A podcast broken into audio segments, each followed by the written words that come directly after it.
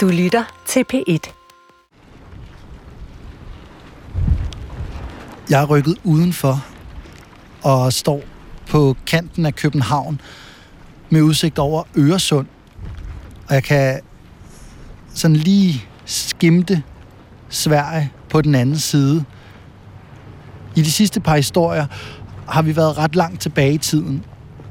Men nu skal vi op til noget, som kun er sådan halvgamle dage. Sådan bedsteforældre, oldeforældre gamle dage. Vi skal frem til 2. verdenskrig. Og historien, jeg vil fortælle, er et vaskeægte spiondrama. Og her spiller Øresund en lidt vigtig rolle, fordi det jo er vandet, der forbinder det besatte og samarbejdsvillige Danmark med det neutrale Sverige. Der bliver smuglet våben, oplysninger, jøder og modstandsfolk over vandet her. Og mere symbolsk, så bliver Øresund også stedet, hvor alt det sort-hvide, altså de onde og de gode og alt den slags, det bliver fuldstændig gråt og forplumret. For som det tit er i spionhistorier, så er det hele noget rod. Og i hvert fald, så er vores hovedperson også mega svær at blive klog på. Hendes navn er Jane Horney. Og det lyder jo ret engelsk, men hun er faktisk halv dansker, halv svensker. Og Jane Horney er en meget kontroversiel person. Og der eksisterer mange forskellige teorier om, hvem hun egentlig var, og hvorfor hun gjorde, som hun gjorde, og hvad der blev af hende. Så det, jeg vil give jer nu, det er altså bare en version af historien. Men for at præsentere vores hovedperson her, så vil jeg faktisk gerne læse lidt op af en efterlysning af hende fra 1944. Skal jeg se her. Og der står, der advares indtrængende imod en dansk-svensk spion i tysk tjeneste. Jane Ebba Charlotte Horny Granberg. Hendes signalement lyder høj, slank, rødhåret, meget charmerende, erotoman. Det, ja, det står der faktisk. Det er et lidt underligt ord. Jeg tror, det betyder nogenlunde det samme som nymfoman. Hun er agent for tyskernes dygtigste spioner, og hun regnes for spion af internationalt format. Den her efterlysning, den blev trygt af den danske modstandsbevægelse. Og når man læser den, er der jo ikke så meget at være i tvivl om. Jane Horney var nazist og landsforræder. Altså en af de onde. Men hvis man graver lidt dybere, så begynder billedet at mudre. Er hun agent for fremmede efterretningstjenester, eller er hun ikke agent for fremmede efterretningstjenester? Er hun stikker, eller er hun ikke stikker? Det her er Frederik Strand, og han er museumsleder for Politimuseet. Og han vil hjælpe mig med at komme igennem fortællingen om Jane Horney, der altså bevæger sig rundt i skyggerne af besættelsestidens ret skrøbelige forestilling om, hvad lov og orden er. Det er en tid, hvor oplysninger kan være mere værd end guld, og hvor sex kan være et lige så effektivt våben som en lat pistol. Mit navn er Emil Rothstein Christensen, og det her det er første del af historien om Jane Horney.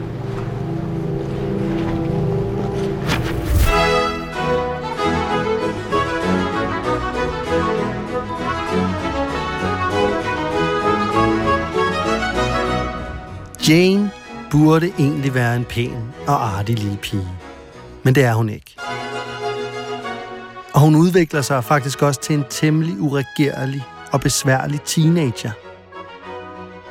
For øvrigt hedder hun slet ikke Jane. Hendes rigtige navn er Ebba Charlotte, og hun kommer fra et meget gammeldags kristent hjem i Stockholm. Hendes mor er dansker, hendes far er svensker, og de er efterhånden opgivet at styre hende. Så derfor har de sendt hende på en virkelig konservativ husholdningsskole i England. Året er 1932, og hun er 14 år gammel, da hun bliver sendt afsted for at lære, hvordan man bliver en høflig og velafrettet ung kvinde, der både kan finde ud af at holde hus og hjem. Men der er ingenting, der kunne rave Ebba Charlotte her mindre. Og i stedet for at rette ind og finde sin plads ved kødgryderne, er det nogle helt andre ting, hun ender med at lære i England. For her opdager hun for første gang, hvordan man virkelig har det sjovt.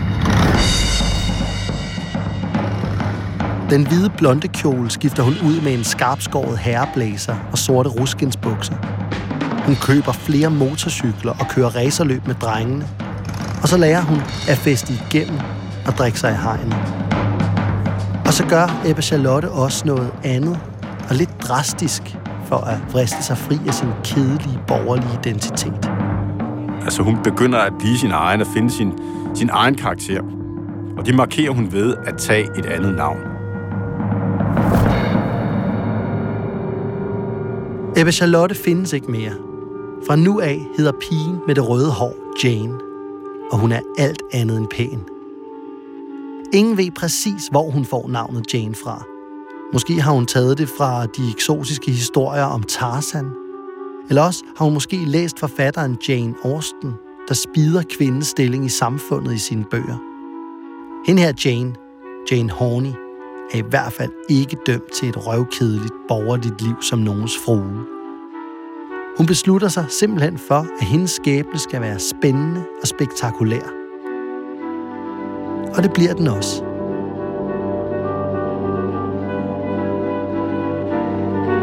I 1937 flytter Jane til København.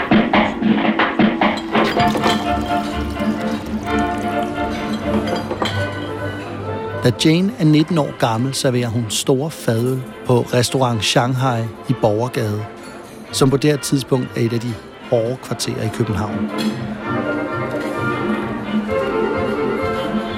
Der er en lyssky stemning over stedet, og det er også her, man tager hen, hvis man er på udkig efter sex, stoffer eller et slagsmål. Og derfor bliver restaurant Shanghai også overvåget af sædelighedspolitiet. Så det er selvfølgelig lige et sted for Jane. Hun har også en, en omgangskreds, som, som er lidt atypisk. Der er mange forskellige øh, personer, som hun omgås, som måske er sådan lidt uldne i kanten, kan man godt sige. Der er blandt andet en øh, kokainsmugler. Når Janes far spørger hende, så svarer hun, at hun bor hos sin søde moster på Nørre Allé. Langt væk fra det snuskede værtshusmiljø. Men i virkeligheden bor hun altså på Hotel du Nord i Kolbjørnsens gade. En sidegade til Istedgade, lige bag ved hovedbanegården, hvor det meste også handler om prostitution, hælervarer og værtshusslagsmål.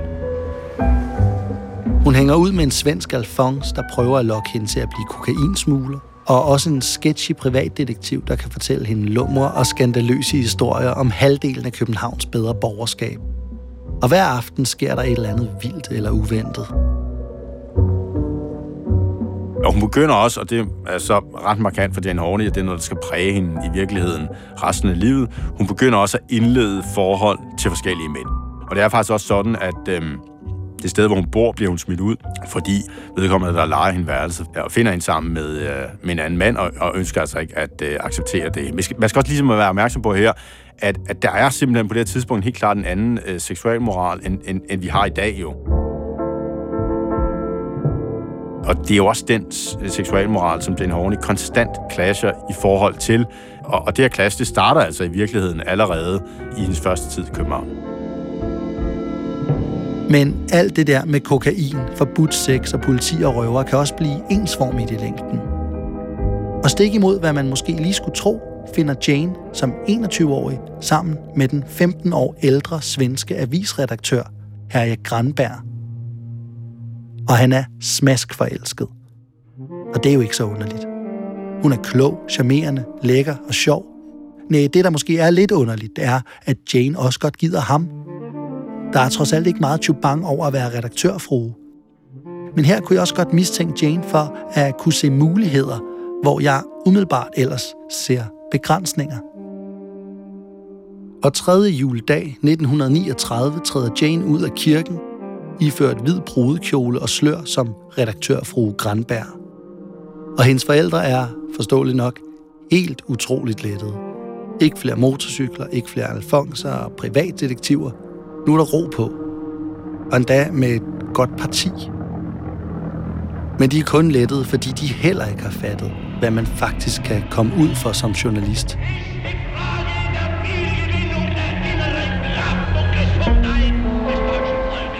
For tyskerne har lige invaderet Polen, og 2. verdenskrig er i gang. Og krigsudbruddet, det betyder, at redaktør Granberg lige pludselig skal være krigskorrespondent, og han sammen med sin unge hustru Jane fra den ene dag til den anden må skifte den svenske idyl ud med den højspændte atmosfære i Nazi-Tysklands hovedstad. Lige pludselig så bliver Berlin centrum for hele Europa. Altså det, der foregår i Berlin, det er simpelthen fuldstændig afgørende for resten af Europa, og i virkeligheden afgørende for resten af verden. Så Berlin bliver simpelthen et omdrejningspunkt for alle nyheder.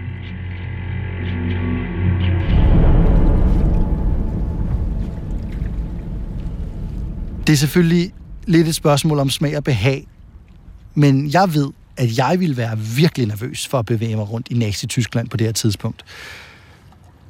Men det lader til, at Jane virkelig falder godt til Berlin.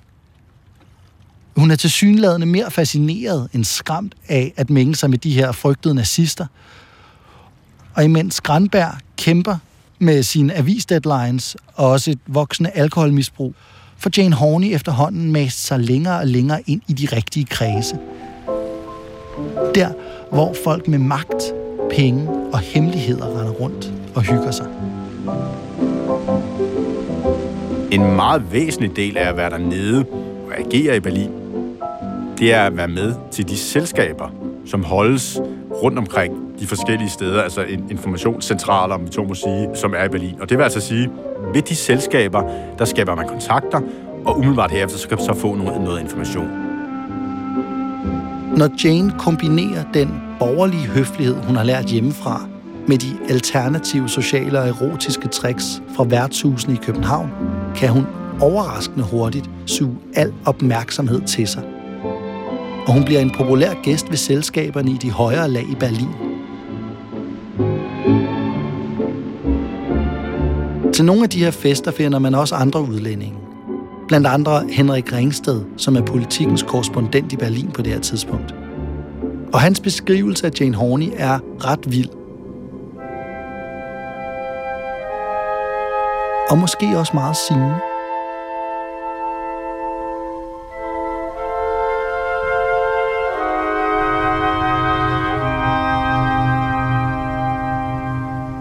Hun var nøjagtig, som man havde beskrevet hende. Næsten ufattelig overjordisk skøn. Og med en erotisk aura, der som en magnet tvang en hale af måbende mænd efter og til sig. Vi faldt alle sammen pladask om kul, da hun en aften gjorde sin entré i Udenrigsministeriets presseklub. Her kom dette pragtstykke af en kvinde. I et dristigt udskåret kostyme. Sejlende ind som en guldfasan i vores let snuskede mandesamfund.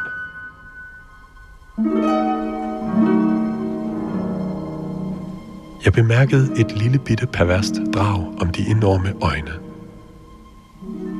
Det her var en kvinde, man kunne begære som bare pokker. Men aldrig eje. Eller bare have så meget som et fortroligt venskabsforhold til. Men det var i og for sig rystende ligegyldigt, hvad jeg mente. For Jane var slet ikke interesseret i noget så uselt som at kryb som journalister. Heller ikke i sin trofaste svenske journalist ægte mand, som hun brugte som adgangskort til byens højeste elite. SS-fyrsterne. Efter et par aftener i Udenrigsministeriets presseklub, svævede hun væk til et SS-luksusparadis. Og vi så hende aldrig mere.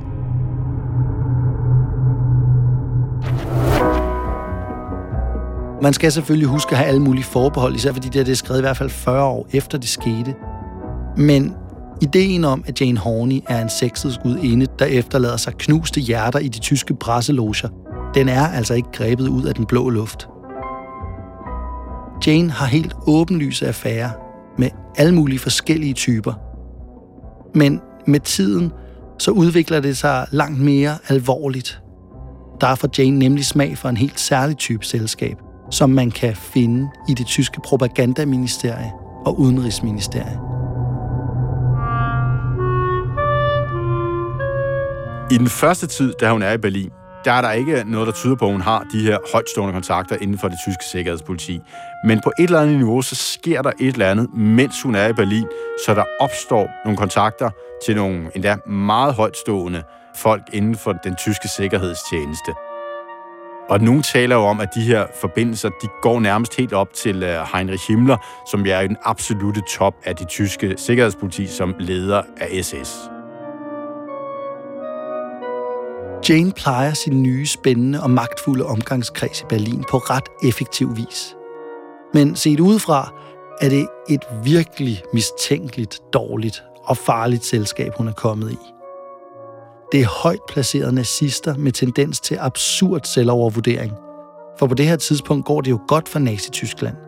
Og til festerne, mellem de fyldte askebager og tomme jægermeisterflasker, hører Jane om officerernes drømme om et raserent Storgermanien med Danmark som en tysk provins. Men i mere intime stunder hører hun også de forsmåede nazimellemlederes personlige planer om at vælte deres overordnede af pinden og selv overtage magten. Alle her er klar til at dø for sagen og dræbe for egen vinding på samme tid. Og Janes nøgne dansk-svenske skulder bliver neutral grund for de her folk til at læse alt muligt af.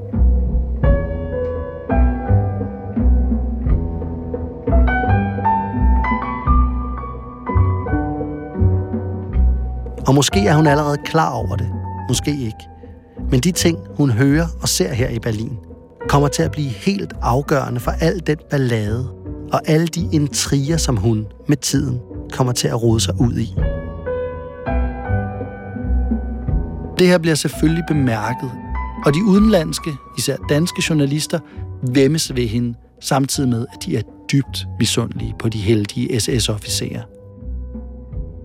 Til gengæld forsøger hendes mand, redaktør Granberg, vist at se og vide så lidt som muligt. Men han er også sendt ud som krigskorrespondent ved Østfronten flere gange. Og det er jo ret belejligt.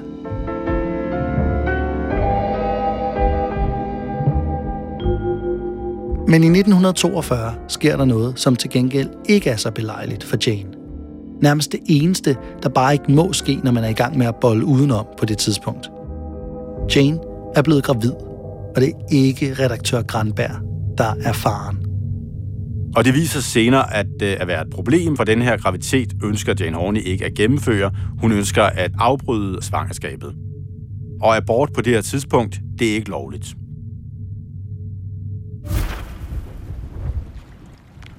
Det, der sker her, er, at Jane er nødt til at opsøge nogle lyssky kontakter, som hun har i Sverige, for at få hjælp til sit lille problem. Men for at komme hen til dem, er hun nødt til at tage igennem tysk besatte Danmark og over Øresund som dengang ikke var et fredeligt farvand med færger hver 20. minut, fyldt med cigaretkartoner og rammer med øl, men i stedet for et hav med en masse smuglerruter, og derfor også en masse tysk overvågning det er ikke her fra København, at hun tager over vandet. Vi skal lidt længere op ad kysten, op til Helsingør. Og på færgehavnen der patruljerer der tyske soldater med lange sorte støvler og grågrønne uniformer, side om side med det danske paspoliti. Og det er to dage før juleaften, hun kommer derhen. Og det er bidende vinter i Danmark. I tollen står der en skaldet mand med et smalt overskæg, runde briller og et alvorligt blik – den dansktalende SS-officer fra den allerstrengeste og mest nidkære skuffe. Hans jul hedder han. Men der er mange, der bare kalder ham for Øresunds skræk, fordi han er helt og aldeles ubestikkelig. Og derfor er han også et stort problem både for jøder og modstandsfolk og smuglere. Senere så kommer han til at gøre sig bemærket som den Gestapo-leder i Danmark, der mest effektivt og blodtørstigt jagter danske jøder, men allerede her i december 1942 er han konstant mistroisk, spydig og på vagt over for alle, der ikke bærer en tysk uniform. Og derfor kigger hans jul også over skulderen på den danske betjent, der stempler Janes gennemrejsepapir. Jane forklarer, at hun er halvt svensk og normalt bor i Berlin som redaktørfrue, men at hun altså skal hjem og fejre jul med sine forældre i Stockholm i år. Og Jane får lov til at passere gennem tollen. Men hans jul, Øresunds skræk, glemmer ikke den rødhårede kvinde, der nu stiger ombord på færgen til Helsingborg.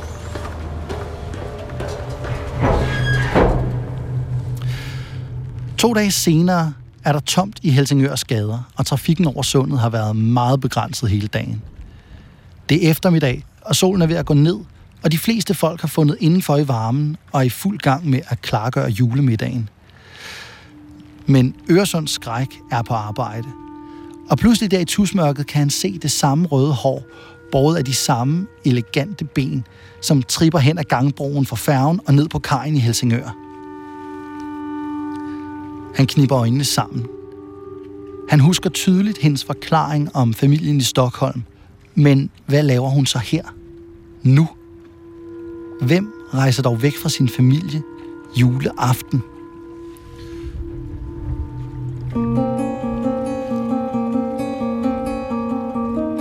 Den intetanende Jane skynder sig hen mod perronen, hvor dagens sidste damplokomotiv venter.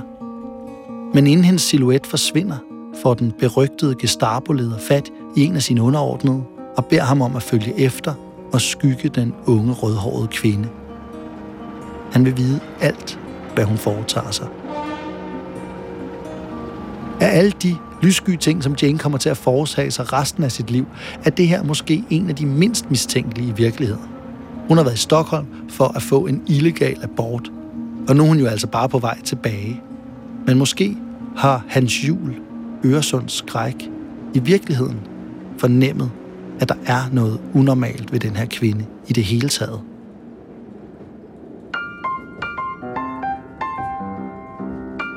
Jane tager toget mod København, og her indlogerer hun sig på et af de mere berygtede hoteller i byen.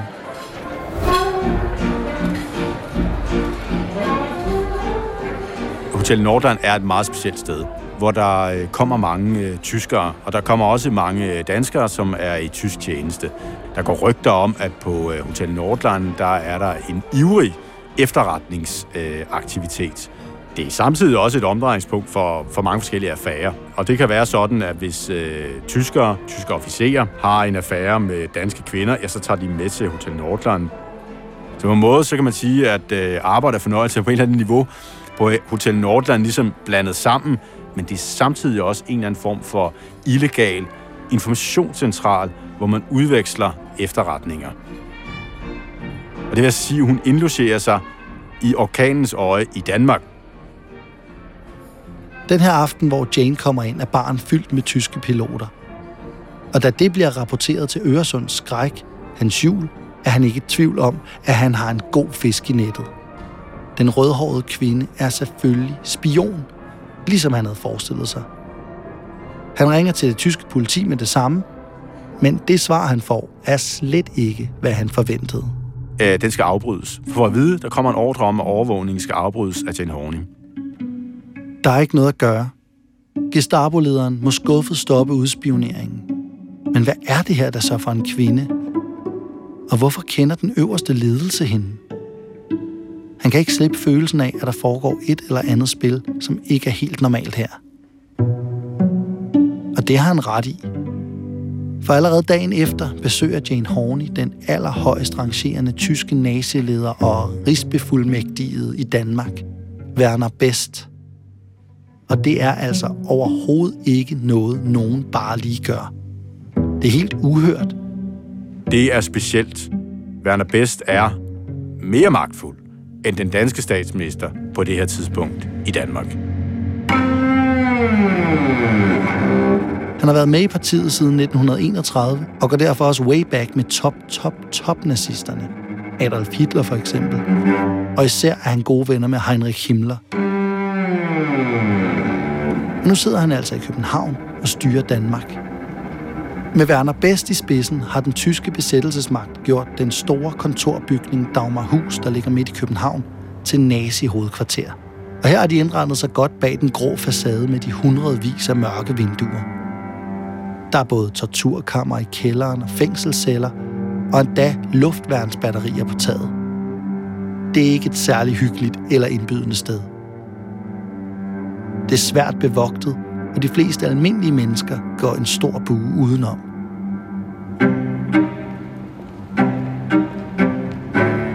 Men iført høje hæle og rød revpels spangulerer Jane forbi de store bunker af sandsækker og pigtrådshegn, forbi de bevæbnede vagter og direkte ind i besættelsesmagtens knudepunkt og absolute højborg. Vi ved ikke, hvad der sker, men vi ved i hvert fald, at det ender med, at øh, Jane Horney hun får et øh, opholdsvisum i, øh, i Danmark, og det kan være rent tilfældigt. Men det kan måske også være noget, der fortæller om, at hun er begyndt at få nogle kontakter meget langt op i øh, det tyske system.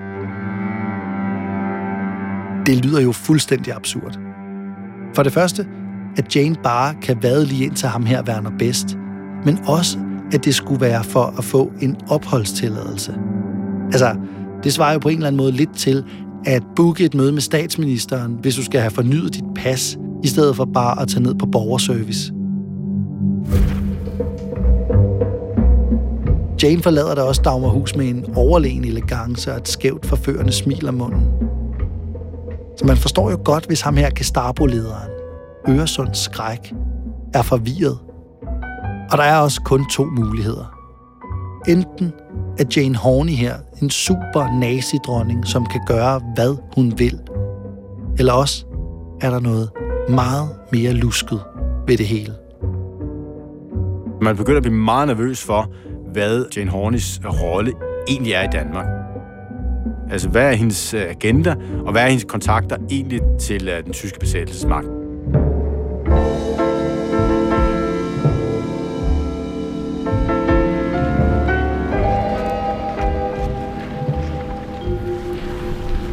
Jane er 24 år gammel og er ved at finde sig til rette blandt besættelsesmagtens mest magtfulde mænd. Men det er ikke kun Øresunds skræk, der undrer sig over, hvad Jane har gang i. Den spirende danske modstandsbevægelse holder også skarpt øje med, hvem der træder ind og ud af Dagmarhus. Og de har selvfølgelig også lagt mærke til den ganske unge, rødhårede kvinde, som lige pludselig lader til at være blevet fast gæst på Naziborgen.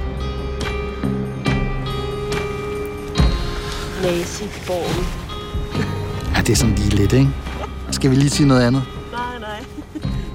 Lad os lige tage en, hvor vi bare siger... Hvem der går... Øh, jeg kan ikke engang huske, hvad det. Jeg siger bare lige... Nazisternes hovedkvarter.